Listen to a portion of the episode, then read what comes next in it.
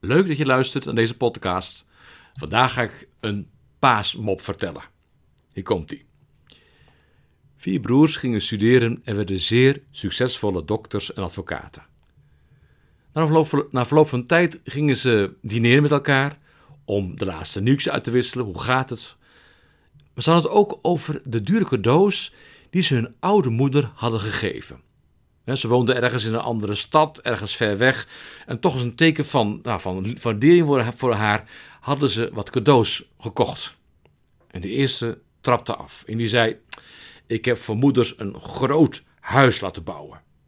En de tweede broer zei: In dat huis heb ik een thuisbioscoop laten installeren. 60.000 euro heeft dat gekost. En toen kwam de derde broer. Oh, ik ben bij mijn, uh, Mercedes dealer geweest. Heb daar een, een vette SL600 gekocht en de auto bij moeders laten bezorgen. De drie broers keken nu naar de vierde. En de vierde zei: Moet je horen. Je weet toch ook wel, hè? Mama las altijd heel graag in de Bijbel. En je weet ook wel, tegenwoordig voor haar kost het nogal moeite om de Bijbel te lezen. Slechte ogen. En nou gebeurde er dit. Ik kwam niet zo lang geleden een priester tegen. En die vertelde over een papegaai. En die papegaai kan de hele Bijbel van Genesis tot en met Openbaring helemaal opzeggen. Het kostte wel 20 priesters en 12 jaar om die Bijbel te leren aan die papegaai. Ik wil die papegaai natuurlijk heel graag hebben. Dus ik moest de priester toezeggen dat ik de kerk 20 jaar lang 100.000 euro per jaar schenk. Maar ik moet je zeggen, zo'n papegaai maakt het helemaal waard. Want weet je, ik, eh, ik kocht die papegaai dus. En ik, ik, ik bracht het bij mijn moeder. En ik zag het gebeuren. Moeder hoeft maar een hoofdstuk te noemen en een vers te noemen. En direct draagt de papegaai in moederstaal de tekst voor. De andere die broers waren helemaal onder de indruk. Nou, de paasdagen zijn geweest en moeder stuurde ieder een bedankbriefje. Zo goed als ze ging. En ze schreef aan Mark. Mark, het huis dat je gebouwd hebt, ja, is zo groot, hè. Maar ik gebruik maar één kamer. Ik moet het hele huis schoon houden. Nou ja, toch bedankt hoor. En een andere zoon, Michael, schreef ze dit briefje. Jongen, je hebt me een peperdure thuisbioscoop gegeven. Met 9.2 surround. Met van alles op en eraan. Met 50 prachtige stoelen erin. Maar weet je, mijn vrienden zijn dood. Ik heb verder geen familie meer. Ik hoor amper wat. Ik ben bijna blind.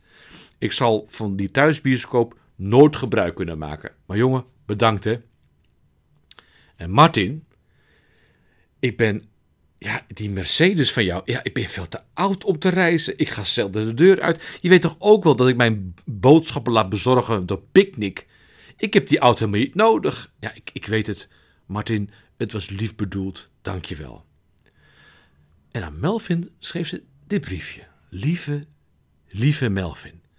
Jij was de enige zoon die een beetje heeft nagedacht over zijn cadeau. De kip was heerlijk. Dank je wel. Ja, een paasmop. Het was gebruikelijk, in, in, zeker in de middeleeuwen, dat er op paasmorgen, het feest van de opstanding van Jezus uit de dood, dat de priester een mop vertelde. Want het bracht wat, wat verluchting in de kerk. Want de kerk had, de gemeenschap van de kerk had 40 dagen lang gevast. Hè, dat was een gebruik in die tijd, de 40 dagen tijd. Lange tijd van vasten, de lijdenstijd, oplevend, toelevend naar Pasen. Ja, en dan was dus het paasfeest, het jubelfeest, het jubelfeest ook van de kerk. Het belangrijkste feest van de kerk. Nog belangrijker dan kerst, want we vieren dat het leven sterker is dan alle dood. Dus de priester kwam dan de kerk binnen en om dus de boel een beetje te ontspannen en te verluchtigen, vertelde hij een paasmop. Nou, zo heb ik ook eentje willen vertellen aan jullie vandaag. Want er zijn er heel veel geschreven. En ik vond deze over de papegaai wel een aardige. Ik wens jullie mooie paasdagen toe. En als je het op een ander moment beluistert, hoop ik dat je het een leuke mop vond. En graag begroet ik je weer bij een volgende podcast op Amstel 4.nl. Podcast.amstel4.nl of via Spotify of via Apple Podcasts. Mijn naam is Robert-Jan van Amstel.